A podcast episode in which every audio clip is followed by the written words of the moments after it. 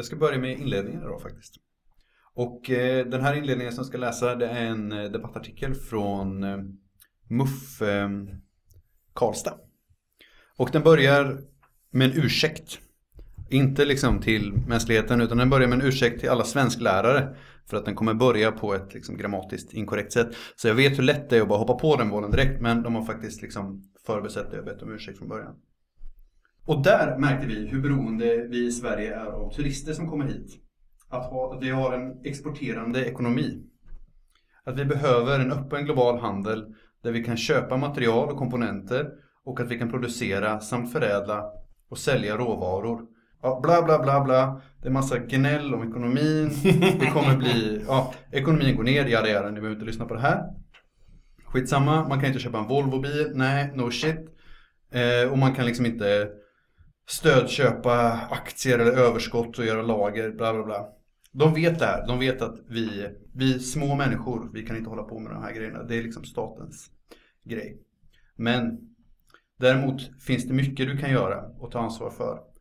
När många äldre och riskgrupper inte vågar gå ut lika mycket eller undviker platser med mycket folk. Behöver dina grannar hjälp att handla? Gå ut med hunden? Gå ärenden? Hämta post med mera. Kanske försöker många äldre beställa mat på nätet. Testar att ha videosamtal eller umgås via spel på nätet. Här kanske just du kan ställa upp och stötta som teknisk support. Självklart på distans. Och nu kommer vi till knäcken här. Om och när du väljer att göra dessa insatser så våga ta betalt. Ta inte överpris. Tänk att många äldre har en ansträngd ekonomi. Men våga ta ut en mindre summa i betalning och våga använda pengarna. Lägg dem inte på hög. Här kommer vi inte kunna väga upp för missade intäkter inom turistindustrin. Men vi kanske kan använda dessa extrainkomster till att hjälpa till att stötta vår lokala butiksnäring genom att konsumera. Vi kommer själva i en tillfälligt sluten ekonomisk värld inte kunna snurra de ekonomiska hjulen lika fort som tidigare, men vi kan se till att de fortfarande är i rörelse. Och det är viktigt att vi just nu håller dem i någon form av rörelse, så att när gränserna öppnas igen finns det små företag kvar och ett ekonomiskt hjul som kan accelerera igen? Alltså, här är en idé. Man tar betalt för alla, alla tjänster, man gör sina grannar och nära och kära. Allting går till en FIRE-fond som man investerar i att bygga en skitlång eh, pissoar så att man kan kollektivt eh, toalettdöpa hela jävla muff på en gång. Jag har ju, min ekonomiska idé nu är att när folk läser den här artikeln, jag ska börja investera i Moraknivsaktier. så att eh, det finns någon som kan producera riktigt bra knivar som man bara kan hugga muffar i njuren med. Men det är väl lite förljuget för att knepet är väl egentligen att starta gigföretag och få andra att arbeta för en, eller hur? Fan, det har inte kommit till Karlstad än. Gigekonomi finns inte i Karlstad. Jag säger att vi ska vara glada över att eh, det nu finns rymdraketer i privata händer så att man kan starta en till exempel en ihopsamling då, eh, samla ihop pengar och sätta hela Muffin i en rymdraket och bara skjuta in dem i solen. Det, det är möjligt nu liksom. Vi behöver inte fråga typ USA eller Ryssland om hjälp med det. Men eh, alltså det de, det de vill är ju att alla människor ska avskaffa sig själva som normalarbetande subjekt och bli det som du beskrev i ett par avsnitt sen, eh, Gaspar. Eh, alla ska liksom bli sitt eget företag. Så att när vi går tillbaka till normaltillståndet så har den, liksom, den ekonomiska revolutionen som har skett är att alla är gigarbetare och alla försöker bara ockra alla i sin närhet på, på pengar liksom. Ska jag diska? Ja. Då frågar man sin partner. Eh, jag eh, tänkte diska men eh, vad får jag för det? det måste finnas en transaktion här. Karma Kapital återigen. Ja, precis. Kaminter.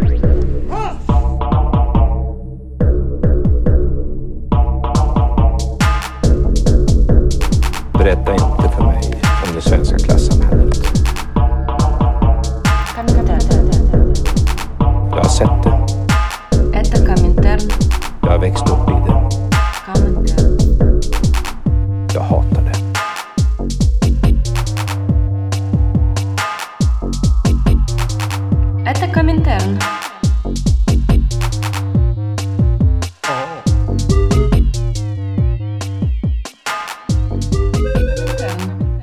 Eh, det är kris. Många människor har gått i självvald karantän. Det de är allra minst sugna på är att höra fyra vänsterkillar killgissa om eh, Corona. Excusez-moi. Likväl sitter vi här och spelar in pandemipodd eftersom staten har förbjudit allt som är roligt. Så har vi inget bättre för oss. Det här är podcasten Komintern. Jag heter Andreas. Eh, Jag heter Gaspar. Jag heter Ryan. Och jag heter Tor. Söndag den 29. Det är, idag, idag är det lördag. När vi inspelar in är det lördag den 28. Söndag den 29 eh, kommer det vara förbjudet att samlas mer än, än 50 pers på en och samma plats. Det vill säga eh, de har ställt in en av de mest grundläggande eh, medborgerliga rättigheter som vi i Svea rike har. Samtidigt som det bara gäller offentliga sammankomster. Så att det är liksom Shoppa, om, shoppa, Ja men shoppa. precis. Eller om typ folk ska samlas på någon skärgårdsö och kolla på Anders Borg när han visar kuken. Så kan man fortfarande göra det. SL har ju sagt till sina kontrollanter i kollektivtrafiken i Stockholm att deras jobb också är samhällsbärande. Så att de måste fortsätta kontrollera. Varför inte? Varför inte? Det är de som är den tunna, eh, tunna linjen. Tunna bruna linjen. Precis, Tunna bruna- det civilisation tunna bruna strecket. Men även mellan civilisation och total anarki. Ja. Jag har sett filmer på, från New Yorks tunnelbana när folk sitter och röker cigarett på, på vagnen. Du är ändå har det kollapsat. Ja, men det är ju, alltså jag kommer ihåg när man var på väg från Salem eh, för massa år sedan. Då var det ju liksom, helt plötsligt var det undantagstillstånd. Alla kunde röka och supa på vagnen tills man hoppade av på Medborgarplatsen eller någonting. Och, ja. mm. Eh, Det var då vi- alltså inte nazidemonstrationen i Salem utan Salem Witch Trials. Som Ryan. Eh, Vi ska prata lite om vad som händer nu. Både kapitalets angrepp på oss och vad arbetarrörelsens svar måste vara. Men också vad som händer sen. Eh, Så take it away. Ja, alltså en av de eh, sakerna som har liksom upprört mig de senaste dagarna. Det började ju med såklart näringslivet. Som det alltid gör. Näringslivet känner att det börjar eh, blåsa lite runt öronen. Och kommer på direkten och gnäller till staten. Får ett 300 miljarders stödpaket. Och jag, och jag tror många andra var så här, började fundera på att så här, fan, alltså de är så jävla dumma i huvudet. Har de inga, alltså så här, efter förra krisen, så här, fattar de inte att de måste ha en jävla buffert liksom? Men kapitalet har ju ett otroligt kristallklart jävla minne i det här. Och det är ju att de vet att staten kommer baila ut dem. De kan ge, de kan ge ut sina jävla bonusar, sina 12 miljoners kronors bonusar.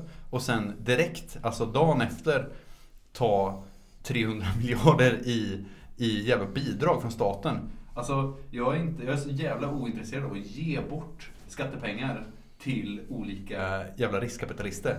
Och det är ett jävla gammalt mantra som man får dra om och om igen. Det går för vinster i välfärden, vi kommer komma in lite på det framöver. Det går, nu går det alltså så här, nu ges ju mina pengar bort bara till jävla bonusar för olika VDR och eh, jävla aktieägare liksom. Mm. Eh, ekonomen Sandro Scocco skrev ju Arena häromdagen att staten borde köpa istället för att skänka. Vad, vad tänker ni om det? Staten borde ta istället för att göra någonting. Och så dela ut moraknivar och bultsax till alla. Ja, ordningens... Eh, vi borde väl som goda kommunister inte tycka att staten ska göra ett piss. Vi borde väl snarare vara så här... Eh, staten och kapital... Ja, som, som Lenin aldrig sa. Alltså, men, eh, men alltså vi... Eh, vad vi borde hoppas på är väl att... Eh, alltså staten och kapitalet kommer ju alltid samarbeta. De är ju en monolitisk eh, entitet typ. Så att eh, vi ska väl försöka uppmuntra vanliga människor i klassen att eh, Köpa aktier. köpa aktier, precis. Nej men allt borde ju kollektiviseras. Förlåt. Nu Nej, nej, alltså jag tycker det är jätte... Jag tycker det är det absolut minsta man kan göra. Som goda kommunister så tycker jag absolut att vi ska göra som Gaspar säger. Men det absolut minsta man kan förvänta sig utav eh, so, eh, socialdemokrater... eh, Okej, man kan inte förvänta sig ett skit utav dem. Men, kanske socialdemokratin. Ja men precis, socialdemokratin som idé eh, är väl typ att man faktiskt går in eh, och som en andel eh, i alla de här jävla småföretagen. För det som händer nu är ju till exempel att Moderaterna föreslår att att företagen ska kunna få pengar till att betala hyra, de ska kunna göra allting. Människor, arbetare, ska kunna permitteras till 0% vilket innebär att staten ska gå in och betala 100% av lönerna. Vilket alltså det är klart, vi, alltså, min kritik är inte att folk får lön. Min kritik är att helt plötsligt ska inte de här jävla företagen och småföretagen göra ett jävla skit. Utan de får allting betalat för sig. Varenda liten krona som, som de riskerar att förlora, det står vi för. Och helst vill de fortsätta plocka ut eh, bonusar och vinster. Så det är klart de kommer göra det. Alltså det är uppenbart att de kommer göra det. Och det är väl klart, det är ju en del i hela den här kapitalistiska eh, eh, liksom maskineriet. Det är klart att de gör det. De vill ju ha bonus. Det är därför de är liksom kapitalister. Det är därför de gör det de gör. Vadå, ska man ta bort den här essentiella delen av utsugning, den här sofistikerade utsugningsapparaten eller? Nej, och det är ju samma människor som, eh, som sitter vid rodret nu som, eh, som gjorde det 2008 också. Liksom, det är precis samma Mm. personer. Kanske någon har blivit lite gammal och gått i pension, men alltså det är ju essentiellt samma. Men som vi läste förut, det finns eh, alltid fler. Det finns alltid fler utsugare Ja, ja, än de första utsugarna kommer ifrån. Våran eh, kamrat, eh, eller vår eh, kamrat Johan Alfonsson skrev en artikel som var väldigt intressant i Arena. Som handlade om att det här som vi upplever nu, alltså att jag, jag tror oavsett hur bra kapitalismen än hade gått så hade vi som skattebetalare ändå fått stå för allting för att baila ut dem. Men nu visar det sig att eh, alla centralbanker, Europeiska centralbanken, Svenska centralbanken bara gått in och de gör återköp för att höra, höja värdet Ah. på sina egna eller andra bolag. Ja. Eh, som de bara injicerar hur stora pengar som helst i. Alltså det, det är en stor jävla finansbubbla eh, som, som just har spruckit. Ja. Eh, men den här finansbubblan håller just på att dölja, eh, existerar i ett narrativ av kris. Så de här pengarna som 2008 fördes in i de här företagen. Det var ju liksom enbart inom ramen för att, kapit- eh, för, eh, att en finansbubbla hade spruckit inom ett kapitalistiskt downfall. Nu så eh, luras vi att tro att allt det här bara har med krisen att göra, vilket såklart inte har. Vi levde i en, i en, liksom i en bubbla. Så mycket för den osynliga handen skrev Johan Alfonsson i den här texten. Och jag tycker att det är intressant hur han berör eh, det som jag skulle kunna kalla för nyliberalismens självbedrägeri. Alltså nyliberalismens två stora lögner. Och den första är att man vill göra sig av med staten helt och hållet. Vilket ju alltid i kristid visar sig vara helt eh, förljuget. Alltså totalt beroende av att staten går in och räddar dem varje kris. Den andra är att de är emot central styrning eller central planering. Vilket är också en total bluff. Om man tittar på de stora bolagen som Walmart till exempel. Så har de en enorm central planering. Och idag har de ett större BNP än vad Sovjetunionen hade vid sin topp. Eh, verkligen. Och eh, just det eh, som han nämner är att eh, övergången ifrån eh, den här fordistiska kapitalismen där man hade enorma summor pengar i visserligen orörligt kapital men undanstoppade o, i, outdelade i stora bonusar till eh, vad heter det? aktieägare. Att man har gått över från det till ett behovs, eh, en behovskapitalism som liksom hela tiden existerar på marginalerna av att lyckas bära upp sig själv. För att alla pengar slussas ur alla verksamheter hela tiden. Så att det finns bara de minimala resurserna kvar i själva verksamheten som gör att de kan gå runt. Och med slussas ut så menas du att de ges bort till olika rika as. Ja, till aktie, eh, aktieägare. Bara att vi är på det klara med vad slussas ut betyder i det här fallet. De stjäls. De stjäls. De stjäls från de som arbetar i de här företagen. Mm. Rätt ur fickan. Från, der, från, deras, från arbetarnas ficka ner i de rikas ficka. Jag skulle också vilja prata lite om det här eh, med att eh, Stockholms stad då säljer Bromma sjukhus. Eh, och att det kom så fantastiskt lägligt mitt i liksom en period när eh, behovet av vårdplatser är större än någonsin. Men vad betyder det? Det är så svårt för mig att förstå att man säljer ett. Det betyder att det är ett, ett, kommunal, ett statligt ägt sjukhus som nu blir privat. Ja, Vad är kostnaden för ett sjukhus? Vad kostar ett sjukhus? massvis. Är det mer värt nu än vad det var för en månad sedan? Eller mindre? Jag har ingen aning. Eh, Är det inte landstingen som driver sjukhus? Mm, jo, det är landstinget som driver sjukhuset. Eh, och nu så är det Stockholms stad som då är ett landsting som säljer Bromma sjukhus till ett företag som heter Vectura. Som i sin tur ägs av Investor som i sin tur ägs av Wallenberg.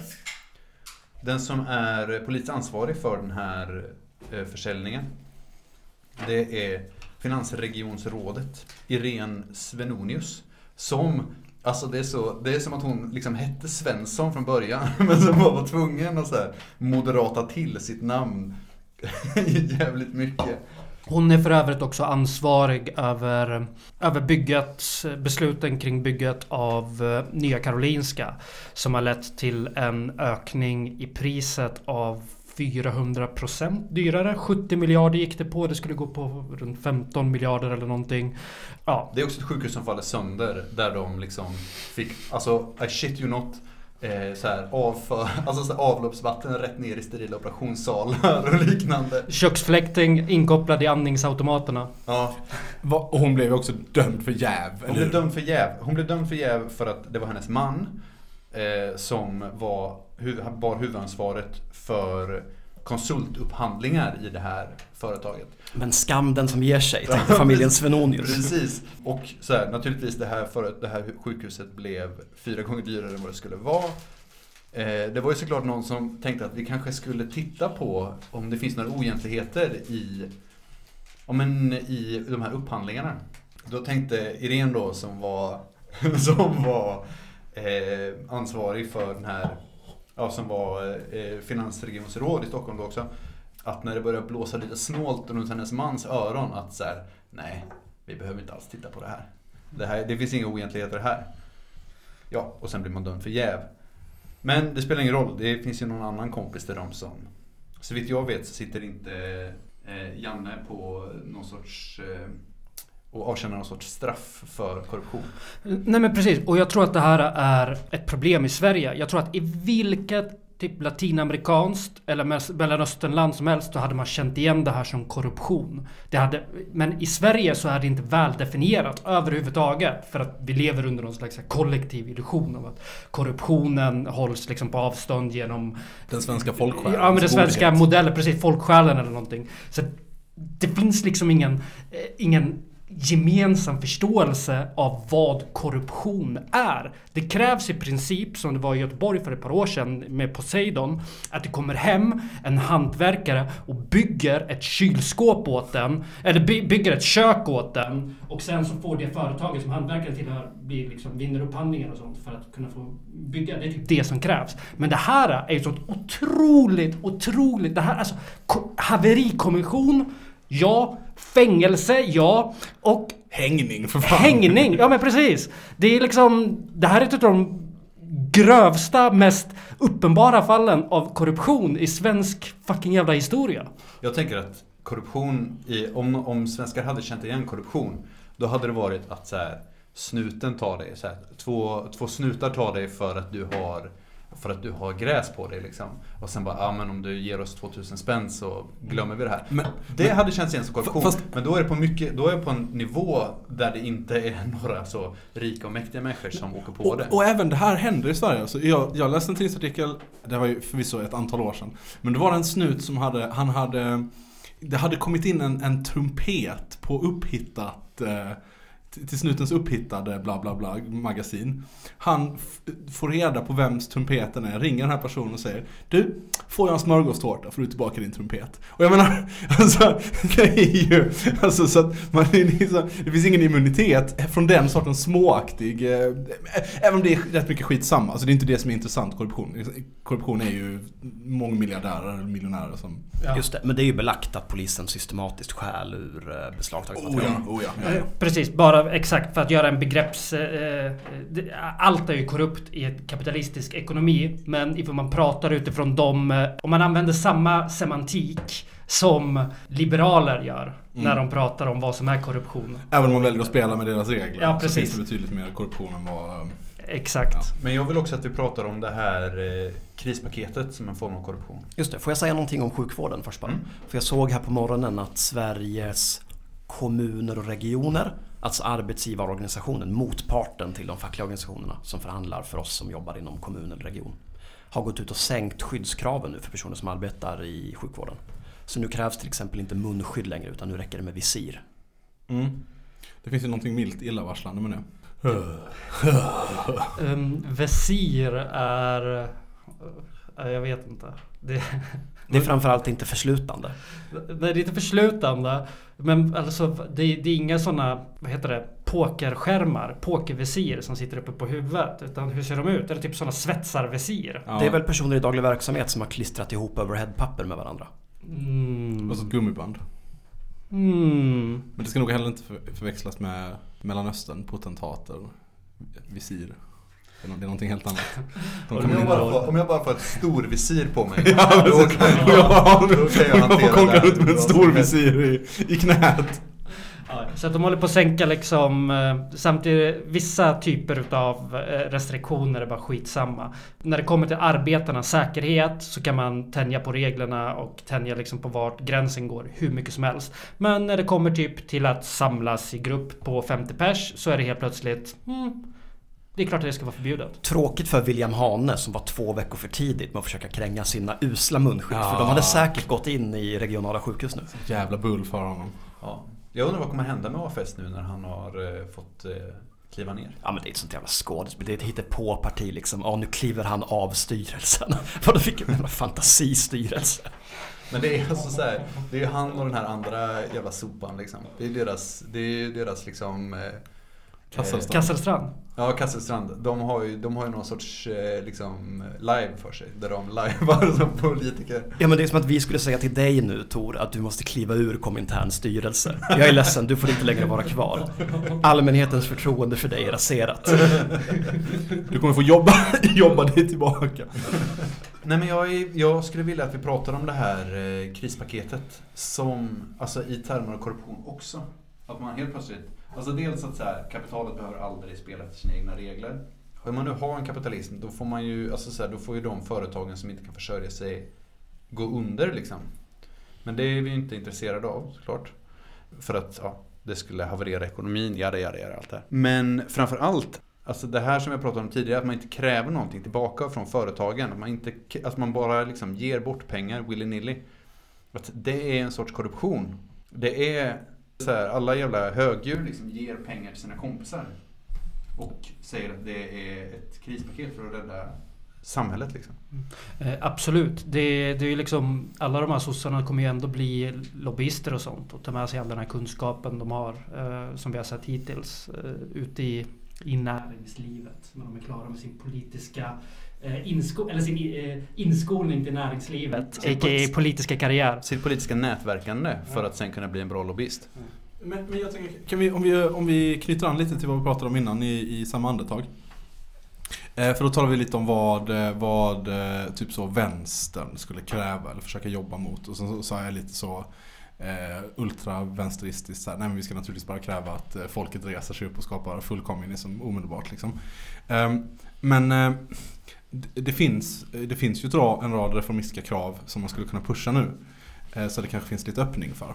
Eh, vi, vi kan väl liksom snoka lite i vad, vilka de skulle vara. Jag såg nu till exempel att Portugal har gett alla asylsökande och icke-medborgare full tillgång till all sjukvård. Bara så rätt upp och ner. Det skulle väl vara någonting som typ Vänsterpartiet skulle kunna pusha för.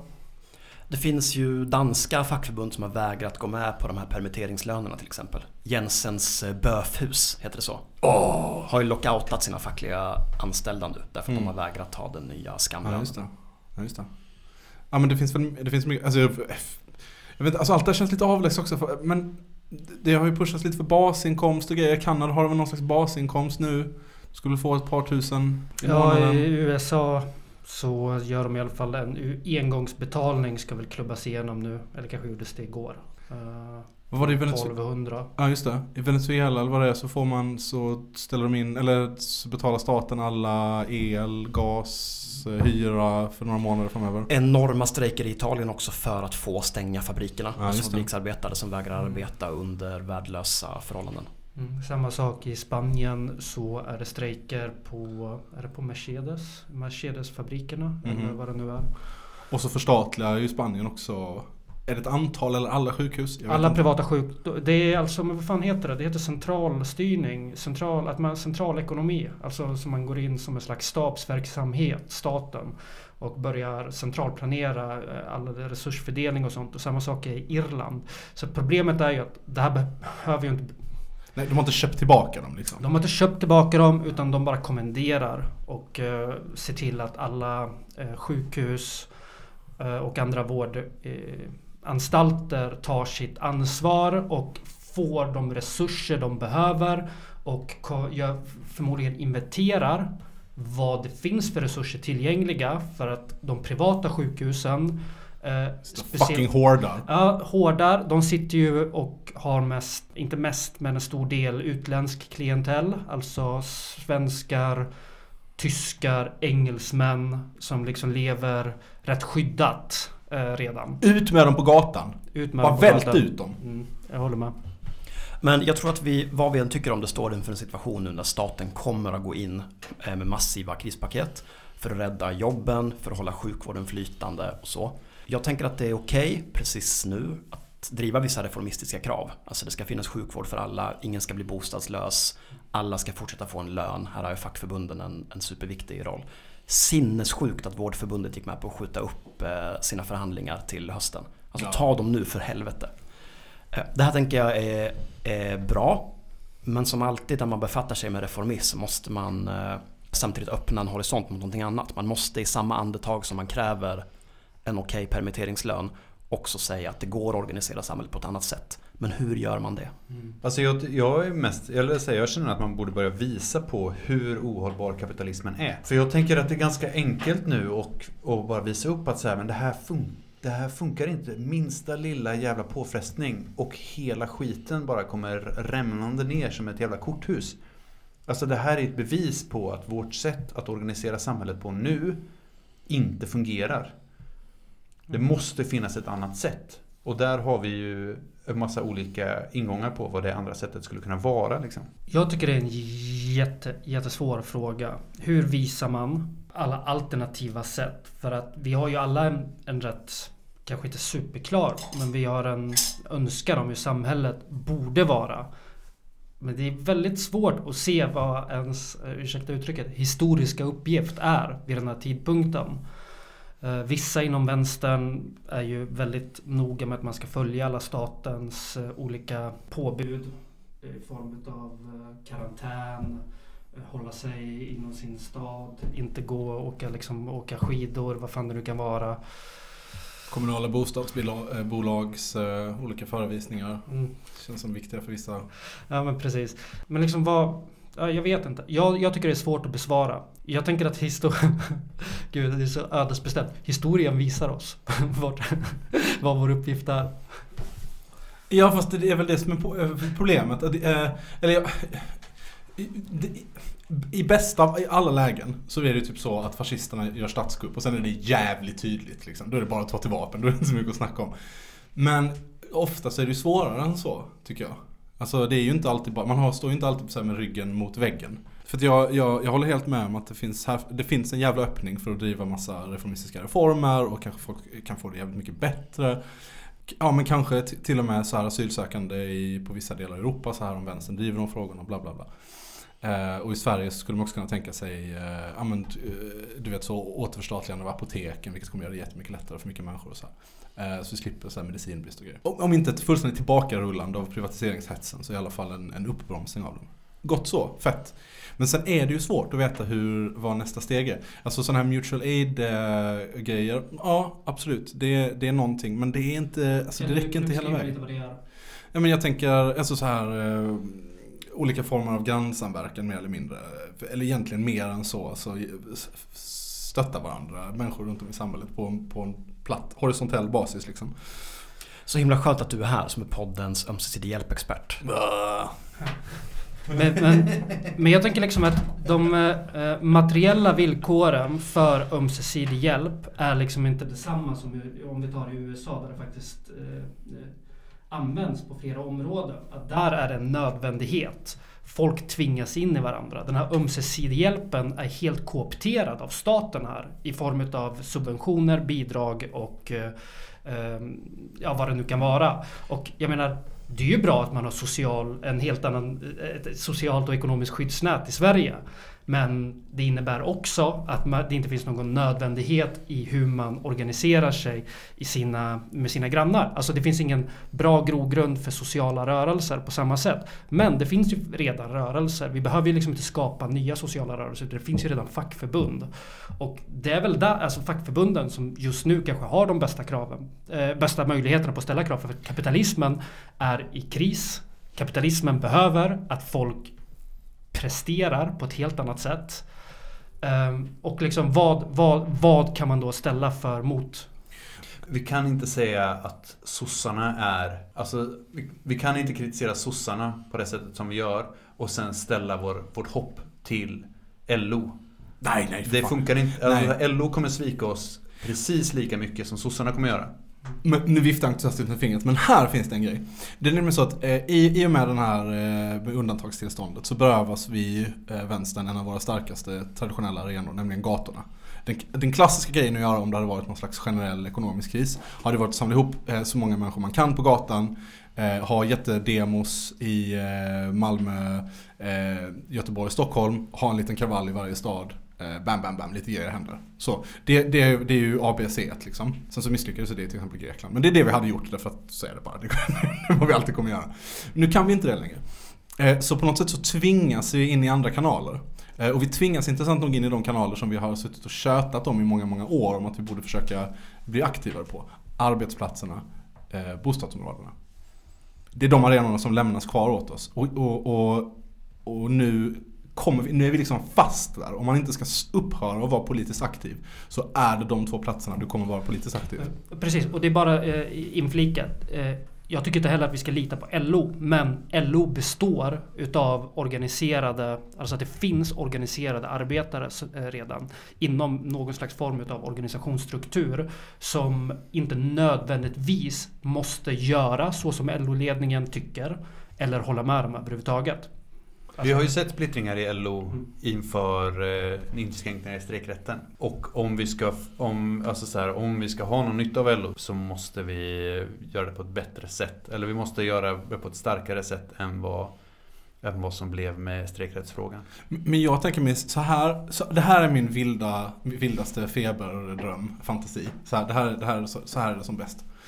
Vi eh, revolutionärer liksom hittar en, eh, ett sätt att tala om, du vill bryta in här Ryan? Paradise Hotel, revolutionärer, vänstern. Jajamän. Eh, vi, vi hittar ett sätt att ta av oss tröjorna, tatuera oss i svanken och gå ut på arbetsplatsen och tala om det här på ett sätt som är, och agitera på ett sätt som är så effektivt. Och sen så, och sen så hamrar vi stenhårt, vi som har samhällsbärande yrken. Eh, det vill säga alla utom Ryan som är bajsdykare. Eh, men, men alla andra som faktiskt har viktiga samhällsbärande yrken. Vi, vi, hamnar, vi agiterar stenhårt, pang, pang, pang. Kanske till vi kanske typ, jag vet inte, tar ut ett flygblad, bla, bla, bla, bla, bla. Och sen så förbereder vi för när den konventionella krispolitiken kommer kicka in. När pandemin har stannat av om 6 till 12 månader eller vad fan det nu kan vara. Jag, jag, som, ja, vi ska inte killgissa så mycket om pandemin men jag, jag bara slänger ur mig någonting. Efter det så kommer eh, det vara massarbetslöshet, då kommer vi behöva gå ut på gatorna. Då kommer vi, få, liksom, då kommer vi ha fått förbereda så mycket som möjligt för att starta en, en explosion. För folk kommer uff, ut på gatorna liksom. Det kommer finnas massa människor som bara går runt och så här kokar för att få ut på gatorna och, och, och demonstrera och leva rövare. Och då bara dränker vi det i en karneval av våld och alkohol. Eh, Jag ser två tendenser. Tendenser till svar, både hos er och hos vänstern. Eh, Den första är då att peka ut skurken, eller peka ut det ohållbara i det kapitalistiska sättet att organisera ekonomin på. Talar du om agitationsvinklar här nu? Ja, det här är något som jag tänker att alla vänsterorganisationer mer eller mindre gör. Alltså att man säger det här är ohållbart, kolla det som sker nu är fel, det är superdåligt, vi skulle kunna ha någonting annat. Det är bra. Den andra tendensen är ju att bygga arbetarsolidaritet. Alltså sådana föredömliga initiativ som granne till granne, man hjälper sina arbetskamrater, man hjälps åt helt enkelt. Skitbra, skitviktigt och där får vi säga att Allt åt alla Malmö ligger i absolut framkant, eller hur? Ja. Ja. Jätteviktigt. För det är inte bara en fråga om vem som får betala nu. Idag står vi inför en situation där vi kommer att få betala, eller hur? Staten kommer gå in för att rädda jobben, som det heter. Men vem får betala i långa loppet? Alltså nu tänker jag mig att vi kommer vara i Folkhälsomyndighetens våld i, låt oss säga ett år. Någonting. Ganska kraftiga inskränkningar av eh, det privata, det sociala, det politiska livet i fram till, eh, jag vet inte, våren 2021 kanske. Men vem ska ta smällen sen? Alltså vem ska vi gå med på att betala för den här krisen på lång sikt också? Nästa år när eh, ladorna är tomma som finansministern brukar uttrycka sig. Alltså när vi har massarbetslöshet, när det inte finns några skattepengar längre. Vad gör vi då och vad har vi, vad har vi byggt fram till dess? Den stora frågan. Precis, eh, och jag tror liksom ett sätt att försöka besvara frågan är att, är, att liksom eh, försöka besvara, försöka eh, tilltala den frågan samtidigt som vi kan prata om den här pandemin. För just nu så låtsas vi om att vi bara pratar om en pandemi som vi har nämnt innan. Fast vi egentligen pratar om hur kapitalismen håller på att appropriera hela, alltså alla, gemens, alla skattepengar eh, åt sig själva. Och vi måste liksom kunna driva den kampen nu samtidigt. Och det är här det finns ett problem med alla de här internetriddarna som nu håller på att försvara staten i allting de gör. Man ska liksom inte hålla på och uppvigla eller vad fan det nu är. Den här eh, blöjvänstern. Eh, som man kan kalla dem. Eh, Fine, kör på det. Ehm, de, alltså, okej, men vart går gränsen? När ska vi inte hålla med staten? Va, va, vad det liksom... Eh, för, först och främst, jag tror inte det kommer vara så uppenbart när pandemin är slut.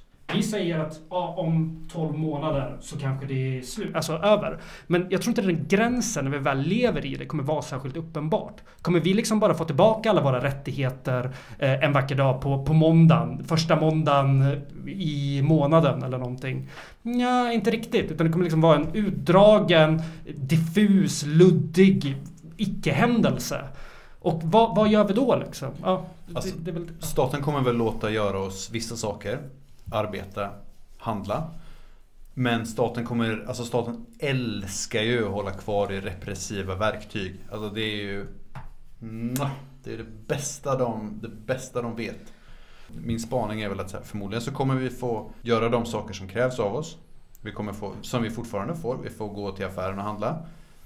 De av oss som har samhällsbärande yrken får jobba. Det kommer vi fortsätta göra. Andra människor kommer få börja jobba igen eller tvingas börja jobba igen. Men kommer vi få samlas? Och jag tror att staten kommer att ha kvar en stor del av sin repressiva verktygslåda. Ja, det är en spännande fråga. Men jag, jag tänker mig att, att de nätverk av ömsesidig hjälp som vi bygger idag, det måste vara embryon till kamp också. Så de grannar som hjälper varandra att handla idag, de grannar som hjälper varandra med olika ärenden. Det är också grannar som kommer vägra låta varandra vräkas när den tiden väl kommer. Eller det är i alla fall min förhoppning. Det måste bli så. Mm. De kollegor som hjälper varandra på jobbet idag måste vara kollegor som vägrar låta varandra sparkas också. Ja, precis. Ja, och det är väl det som är knäcken här. Vi, vi, vänstern kommer väl få... Alltså nassarna kan ju ha, kan ju ha en helt annan aktivitet. Som den härliga nassen som blev skjuten av FBI i veckan. Kan- Han skulle fylla en bil med, med dynamit och kör in det i ett eh, sjukhus. Men eh, eh, de är... Men, men alltså vi kommer ju istället få försöka bygga saker som är redo att aktiveras när krisen går in i sin nästa fas. Liksom. Och så måste vi tänka på det som vänstern också. Att det här är, det här är en tvåstegsraket. Eh, först är det pandemin och sen kommer ekonomin. Eller de kommer ju vävas, precis som, precis som Ryan säger här, det kommer vara en, pandemin kommer liksom aldrig vara över. Det kommer inte vara så 23 mars eh, 21, eller 2021 så är det färdigt liksom. Utan det kommer vara rörigare än så. Men, men det kommer finnas något läge där, eh, där vi måste börja tala om liksom fas 2 typ. Det, det, det är ju tydligt. Och sen kommer fas 3 när vi sätter eh, alla så kapitalister i olika alltså, vuxendagis. Tvingar dem att måla stolar och Ja, alltså fas 3 är ju sista fasen för Synonius till exempel. Det, det, där, där tar det slut för henne. Fas 3 är splittring. Som vanligt. eh, nej men eh, till- tillbaka, till, eh, tillbaka till det om liksom, alltså det, vi måste bara understryka hur absurt det är att polisen nu kommer åka runt och hålla koll på att det inte samlas personer mer än 50 personer. Och det här är alltså ett utav, det här är liksom bara någonting som är rimligt inom ett kapitalistiskt produktionssätt. Inom en liberal demokrati. Vi förbjuder inte varor och människor färdas globalt och jag menar inte flyktingar utan jag menar kapital. Det är liksom mer rimligt i sådana fall att förbjuda människor från en, liksom en gemens, socialiserad eh, uttrycksform genom kamp. Det är liksom det absolut rimligaste och det är, det är bara bullshit. Det är mer än 50 pers. Alltså, åh! Mm, men bara för att förtydliga, för vi har redan fått kritik eh, som podden med tveksam förståelse av smittskydd. Vilket väl är, är roligt. Men vi säger ju inte så här eh, gå ut och träffas 500 personer nu oavsett om ni är sjuka eller inte. Utan vad vi säger är bara ta statens ord med lite sund skepsis. Eller hur? Det är Ja. det du försöker säga. Eh, Det jag försöker säga är att jag tycker inte att man ska samlas 50 pers. Det är onödigt att smitta ner varandra för att vi är alla sårbara i ett kapitalistiskt samhälle. Men, Men sluta ät ur händerna på ja, Anders Tegnell. sluta ät ur händerna på dem och ur ett... Ifall vi hade levt i en perfekt värld där vi kunde få igenom vår vilja och göra vad vi ville. Då skulle samlas färre än 50 pers aldrig vara en grej som kom upp. Men nu med våra materiella villkor som vi har just nu så är det väl klart som fan att vi inte ska samlas mer än 50 pers. Det är det jag menar. För jag vill inte, jag vill inte, eller så här, jag menar inte alls det för att så det eller någonting. Men, men jag tänker alltså typ så i Biskopsgården så är det redan så att om det samlas 50 pers så kommer snuten dit. Alltså om man är i fel ålderskategori. Alltså så, här, så att det, det, en den sjukdomen du beskriver, den, den går redan djupt liksom. Den, den finns redan. Och det är därför liksom vi ser hur jävla hårt, det här, hårt samhället och eh, politiker mobiliserar nu. Det, är- det här är ju en, en... Folk brukar säga att det är en boomer remover, men det är det inte. Det är en white blight. Det är liksom... Det här slår hårt emot eh, de innerstadsgrupperna, inte mot de periferiella grupperna. Utan det här riskerar att... Alltså, för att det finns ju redan... Vi har AIDS epidemier, malariaepidemier, svältepidemier som pågår hela tiden runt om i världen. Men det pågår utanför våran, liksom våran, vad som är relevant för, för svenska till- medelklassen. För folk som åker till eh, Östermalmsgallerians öppning och köper rökt ål till exempel. Ja. Eh, Ska vi prata lite om gränser och internationalism? Mm. Om ni vill, om ni är sugna. Mm. Shoot, har du en grej? Ja, men jag har en öppning Mm. eh, som är att det är ju intressant att nästan alla gränser i Europa är stängda. Mm. Förutom för utvisningar. Alltså att vi skickar ut människor. Mm. Det är också en intressant iakttagelse att coronaviruset inte är ett problem i europeiska eller i flyktinglägren som ligger i Europas eh, periferier, alltså ytterkanter. Att det inte är ett problem riktigt än. Men när det blir det så kommer det vara en enorm humanitär katastrof. Mm. Och hur besvarar vi det? Alltså vi måste naturligtvis kräva öppna gränser. Mm. Hjälporganisationerna på Lesbos till exempel kräver ju evakuering av flyktinglägren. Kommer det ske? Eller kommer människor dö som djur i bur snart? De kommer dö som djur i bur. Det, det, om man redan, vi har liksom redan kommit till att det är okej att ramma gummibåtar med kustvaktsbåtar. Och det är ju värre på sätt och vis. För då gör man ju aktiv våldshandling på ett annat sätt. Så jag tror definitivt att det kommer, man kommer skita i det här. Det kommer dö. Trots att det inte är ett problem idag, alltså att flyktingar skulle ta med sig viruset till Sverige. Så är det ju inte. Utan det är ju eh, välbemedlade människor på semester som har gjort. Mm. Vilket vi på ett, alltså på ett sätt odlats till klasshat och så vidare. Men på ett sätt är jag så jävla tacksam också för det. För kan ni tänka er om det hade varit eh, om eh, Patient Zero hade varit eh, typ romer eller någonting. Alltså fatta vilken, vilken jävla... Vilken fascistfest det hade blivit. Ja, det hade varit så jävla obehagligt så jävla snabbt. Fy för fan. Jag vet inte om ni på senaste tiden har talat någonting med romerna inne i stan eller? Men de är ju livrädda också. Alltså därför att deras eh, familjer och släktingar eh, hemma i Rumänien och Bulgarien lever under så vedervärdiga förhållanden. Ja, nej det kan jag tänka mig. När det väl slår där så kommer det att slå hårt. Och man kan ju tänka sig också att eh, det är ju inte så att det kommer säljas fler Dick tidningar eller delas ut mer pengar till tiggare under den här perioden heller. Utan det kommer ju vara tufft för dem liksom. När den kapitalistiska hegemonin stått och sett på. Hundratusentals flyktingar dör i läger. Runt om i världen. I Arizona, i på Lesbos, i Turkiet, i Idlib. Nej, men liksom, när, man, när man har stått och tittat, sett på det här. Då finns det... Då är vi... Då är vi liksom i den kapitalistiska hegemonin. Då är vi döda. Då finns det ingenting vi inte kan göra längre. I, i, inom den kapitalistiska... Inte vi som är vi som sitter här. Men, mm. Ja, nej jag håller med. Det finns, det finns ingen eh, yttre, eller det finns liksom ingen anständighetens gräns som ännu inte har vandrats över liksom. Allt är möjligt. Jag tänker, alltså Texas guvernör sa ju eh, för några dagar sedan att eh, de gamla är beredda att dö för att rädda ekonomin. Alltså. Alltså att han bara, nej nej men, eh, men de gamla liksom, pensionärerna är beredda att eh, offra sig på kapitalets altare för att, för att deras barn och barnbarn ska få fortsätta liksom, äta smulorna från, från eh, hans och hans kompisars bord. Har du någon uträkning på det här? Att de räknade på att om man inte gör någonting i USA nu. Eh, om man går tillbaka till arbetet i påsk som Trump vill att man ska göra. Så kommer det, det kommer se ut i statistiken som att man har gjort ingenting. Då räknar de med att det var 2,5 miljon döda i USA. Det är liksom en medelstor storstad liksom.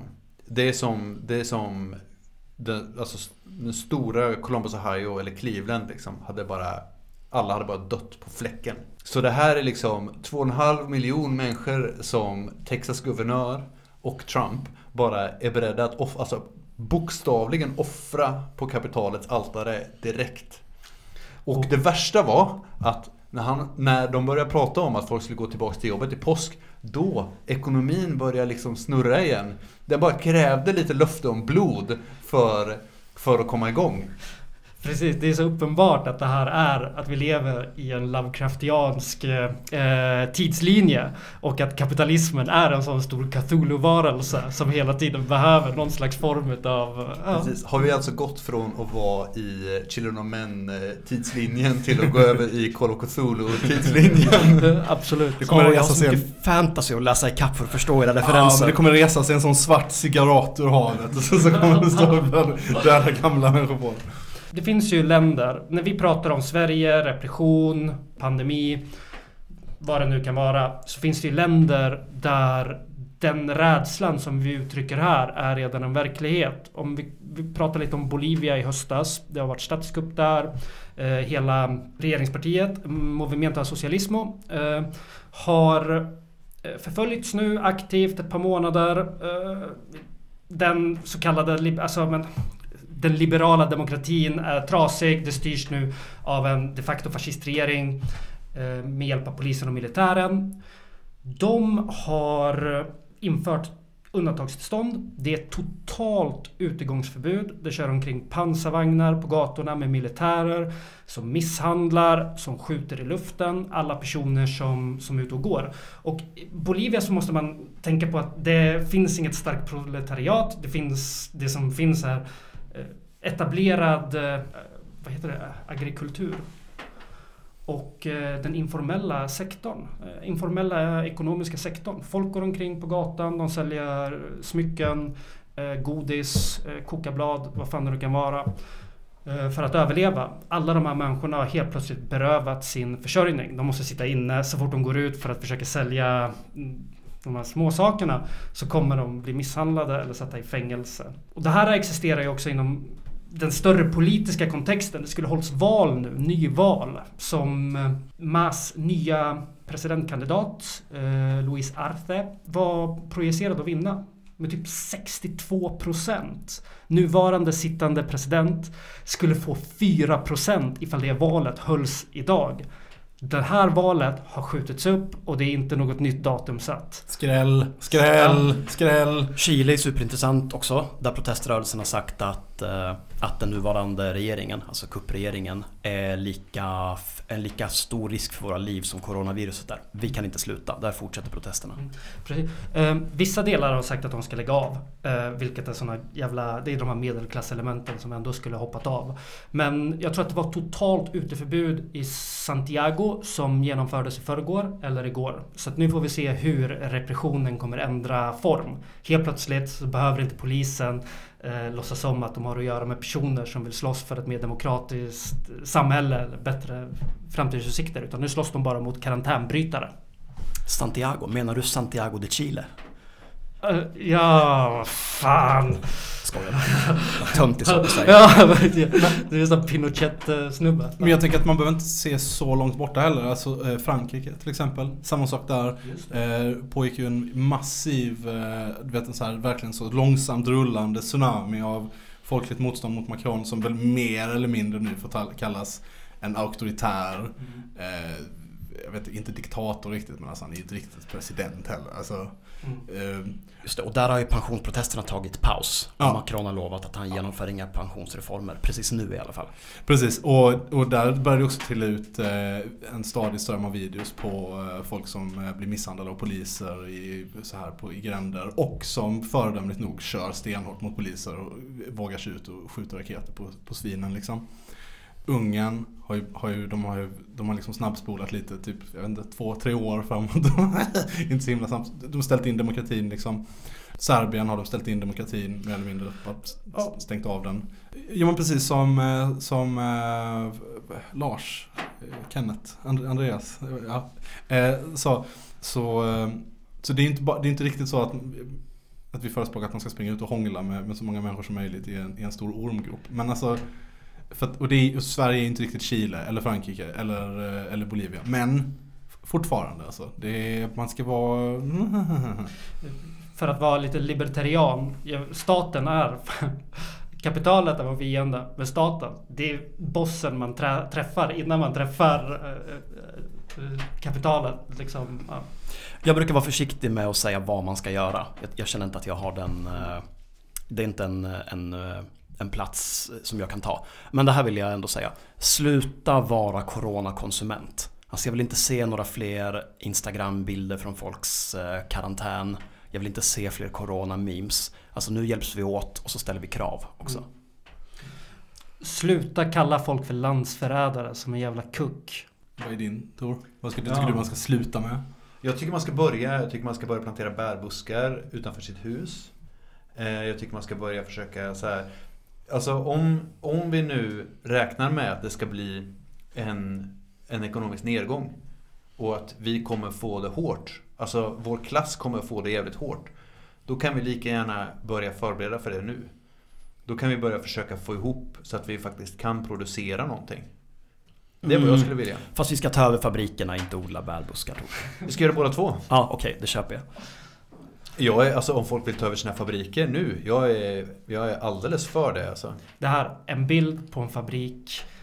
Eh, istället för bara kugghjul så hör man ett sorl av människor som står och pratar. Och istället för rök så kommer det bärbuskar Ja. ur Gud skorstenarna. Åh, jag vill ha den backpatchen. Kan jag få den backpatchen? Eh, Jag säger eh, börja köpa konstgödsel. Och skaffa, och, och kamrater, skaffa jaktlicens. Mycket viktigt. Ja, det här var det första, eventuellt enda. Vi får väl se avsnittet av Pandemipodden, vår karantänspecial. Eh, ordinarie avsnitt fortsätter rulla som vanligt. Det kommer ett om en vecka. Mm. Vad handlar det om? Jag ska vara med, eller? Det är frågor och svar till... Oh, det är en Q&A. Gjorde vi inte det precis? Jo, men det har inte släppts än. Ja, det är det som kommer då. Ja, då var jag med! Jag kommer... ja, visst. Glöm inte att dela och gilla. Vi tycker det är kul att göra det här för er. Men vi tycker det är kul att göra det för fler. Och, oj! Vilken skald! Comintern.